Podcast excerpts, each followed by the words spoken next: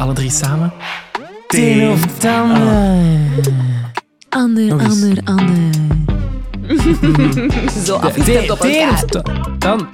Teen of Tander. Teen of Tander. Welkom bij Teen of Tander, een podcast van Technopolis.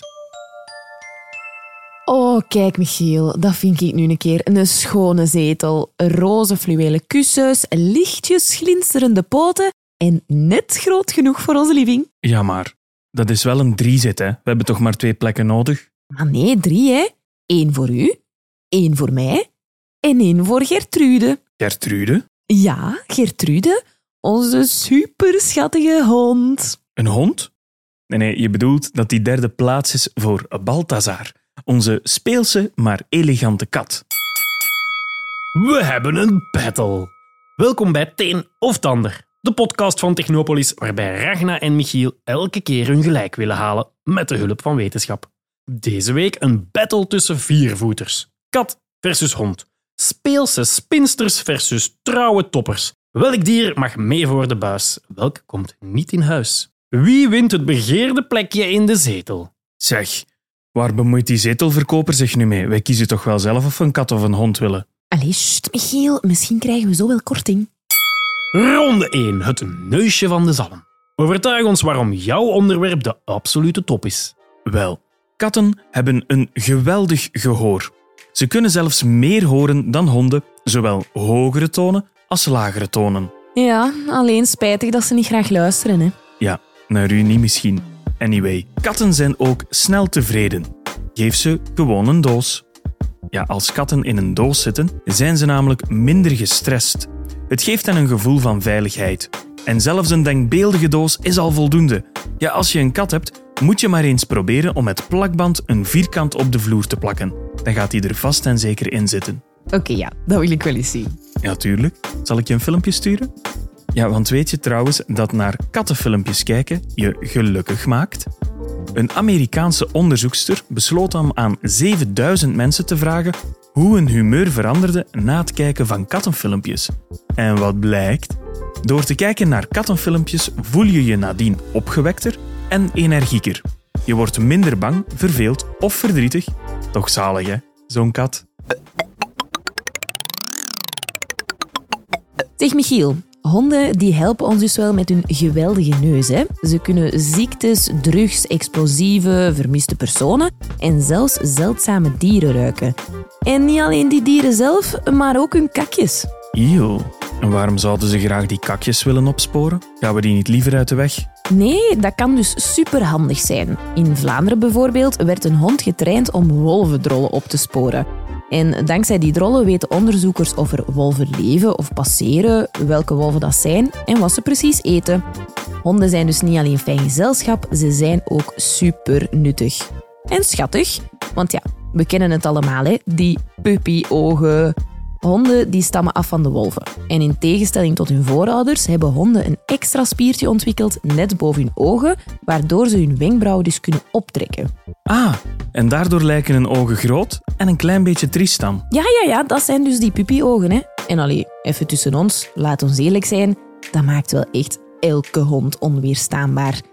En tenslotte zijn honden ook nog eens je beste vriend. Je kan ermee gaan wandelen, je kan er superveel mee spelen, ze komen je knuffelen. En als we dan kijken naar de geschiedenis, zijn honden ook het eerste dier dat we tam maakten en dat dan met ons is gaan samenleven. Ze houden ons dus al duizenden jaren gezelschap. Ronde 2, het poepje van de zalm. Overtuig ons met één argument waarom je tegenstander zijn onderwerp een absolute flop is. Oh, simpel. Katten zijn moordenaars. Ja, ze jagen op muizen, vogels en andere prooien. Onderzoekers vonden zelfs dat katten mee hebben gezorgd voor het uitsterven van twee soorten reptielen, 21 soorten zoogdieren en 40 soorten vogels wereldwijd. Ja, maar je kan er wel voor zorgen dat jouw kat minder gaat jagen, hè? door gewoon met ze te spelen. Over honden gesproken. Belgische onderzoekers vonden dat zo'n grote, dampende hondendrollen die in de natuur blijven liggen, slecht kunnen zijn voor het milieu. Die drollen bevatten namelijk veel stikstof en fosfor. In een natuurgebied kan dat het aantal soorten planten doen afnemen En dat zorgt er dan weer voor dat er minder diersoorten zijn. Ah, Michiel, simpel hè. Je steekt het kakje in het zakje en dan in het vuilbakje. Nu in afslag. Ronde 3. Even iets anders. Argumenten slingeren, daar zijn deze twee goed in. Maar kunnen ze ook op een andere manier hun gelijk halen? Deze aflevering in Even iets anders? De bekentenis. Een eh, bekentenis. Ah ja. Ehm, Michiel, wil jij anders even eens gaan horen voor de prijs van die zetel? Dank u, hè. Ja, oké. Ah, beste zetelverkoper. Ja, nu dat je hier toch bent, vandaag moet ik echt iets komen bekennen. Michiel en ik hebben zo'n klein meningsverschil. Ja, Michiel die denkt dat katten beter zijn dan honden. Enorm vreemde gedachten inderdaad, want honden zijn duidelijk superieur. Maar eh, tijdens onze discussie, waar ik dus wel duidelijk aan het binnen ben, schoot mij eventjes iets te binnen. Soms mag ik zo gaan doggy zitten op de honden van mijn ouders en die hondjes die doen soms iets waarvan ik denk... Ah, nu had ik toch liever een kat gehad. Ah, ik weet het. Ik ben een vreselijk mens, maar liefste zetelverkoper, die lieve schatjes van mij, die willen altijd gaan wandelen voor ze hun behoefte doen. En normaal vind ik dat echt geen probleem, hè, maar gisteren was het aan het stormen en het regende echt pijpenstelen en dan moest ik nog mee op pad. Als ik dan een kat had gehad, dan kon ik gewoon lekker in de zetel blijven zitten. Ja, meneer de zetelverkoper, ik voel er mij echt heel schuldig over. Want natuurlijk heb ik veel liever honden dan die lelijke katten. Maar ah wel, om het goed te maken, zal ik vandaag gewoon extra lang met hen gaan wandelen. Ah, merci om even te luisteren. En allee, dat blijft tussen ons, hè, dit. Zeg, eh, Ragna, dat gaat hem niet worden, denk ik. Ik zal anders nog eens wat rondkijken. Zeg, eh, eh, zetelverkoper, ben je daar nog? Tuurlijk, meneer, ik kom eraan. Eh, heeft u interesse in deze canapé? Eh, nee, maar er ligt wel iets op mijn lever. Ik zou stiekem soms graag hebben dat een kat iets enthousiaster was als zijn baasje thuiskomt. Bijvoorbeeld zo enthousiast als een hond. ja, nu lijkt het soms alsof een kat zijn baasje niet graag heeft als die thuiskomt en dat de baasjes dus enkel goed genoeg zijn om hen eten te geven of om hen buiten te laten. Ja, zetelverkoper, jij weet ook dat katten wel degelijk hun baasjes graag zien, maar ze mogen dat wel wat meer tonen. Hè. En spelletjes spelen met katten, dat gaat ook niet altijd van een leien dakje, terwijl honden dan weer staan te popelen om met hen te spelen. Maar ja, ik word soms ook wel liever met rust gelaten dan de hele tijd spelletjes te moeten spelen. Ja, wel begrijpbaar. Eh, ja, voilà. Dat viel eigenlijk best goed mee. hè.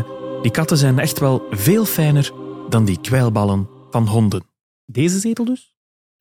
Ronde 4. We gooien alle remmen los. In deze laatste ronde de laatste argumenten. Het bekgevecht. Ik heb nog iets goeds. Katten kunnen van meters hoog vallen en toch landen op hun pootjes. Het zijn net superhelden. Ja, dat kunnen ze omdat ze een bliksemsnelle reflex hebben. Een kat heeft ongelooflijk snel door waar de grond is en zorgt er dan voor dat haar lichaam zich goed draait. Dat gebeurt trouwens altijd in dezelfde volgorde. Eerst draaien de voorpoten naar beneden en dan pas de achterpoten. En om trager te vallen, spreidt ze ook haar poten zodat haar lichaam breder wordt. Ha, dat is een beetje zoals een parachute. Exact. En op die manier landt ze dus zonder problemen. Ja, maar kijk, Michiel, dat is dus mijn probleem met katten. Ze zullen zichzelf wel redden uit moeilijke situaties, maar iemand anders helpen? Mm, nee hoor. Honden die doen dat tenminste wel. Honden hebben bijvoorbeeld een hele groep dwergpinguïns gered. En waar hebben ze dat dan gedaan? Middle Island, een klein eiland voor de zuidkust van Australië, is al lang de thuis van de dwergpinguïns. Maar ze hadden heel veel last van vossen die wel een pinguïnsje lusten. En eh, ze aten er zelfs zoveel op dat er in 2005 minder dan 10 pinguïns over waren. En een hond heeft dat probleem opgelost. Jazeker, een hond genaamd Otbal. Ja, dat was een hond die getraind was om kippen te beschermen. En toen het baasje van Otbal hoorde van het pinguïnprobleem, dacht hij... Oh zeg, mijn Otbal die kan daar wel bij helpen hoor. De hond werd dan getraind om de pinguïns te beschermen tegen de vossen. En dat was zo'n succes dat er sindsdien altijd honden rondlopen om vossen te verjagen. Het resultaat? De pinguïns zijn terug met veel meer en leven weer lang en gelukkig. Oké, ja, eerlijk is eerlijk. Dat is wel heel slim bedacht van dat baasje van die hond. Ja, dat is iets dat ik eigenlijk meer had verwacht van kattenbaasjes. Ja, want normaal gezien zijn kattenbaasjes wel slimmer. Dat vonden psychologen die 418 honden- en kattenbaasjes een vragenlijst lieten invullen. En daaruit bleek dat kattenbaasjes vaker slimmer, gevoeliger, creatiever en zelfstandiger zijn dan hondenbaasjes. Maar ja, zeg Michiel, uit datzelfde onderzoek bleek ook wel dat hondenbaasjes vaker een warme persoonlijkheid hebben, socialer en levendiger zijn. Ja, maar ze zijn dus niet slimmer, gevoeliger, creatiever, zelfstandiger. Dat kan allemaal wel goed zijn, maar allee, even tussen ons, sociale levendige mensen zijn wel veel leuker om mee om te gaan. Voilà, beste luisteraars, het zit erop. Wie vind jij dat er gewonnen is? Ja, ik toch, hè? Nee, ik. Heb je zelf nog aanvullingen, suggesties of ideeën of wil je korting op een zetel? Mail ons op podcast.technopolis.be en tot de volgende keer. Zeg, even serieus gasten. Als jullie nu een 4 zit kopen, dan kan ik vanavond misschien een filmpje meekomen zien?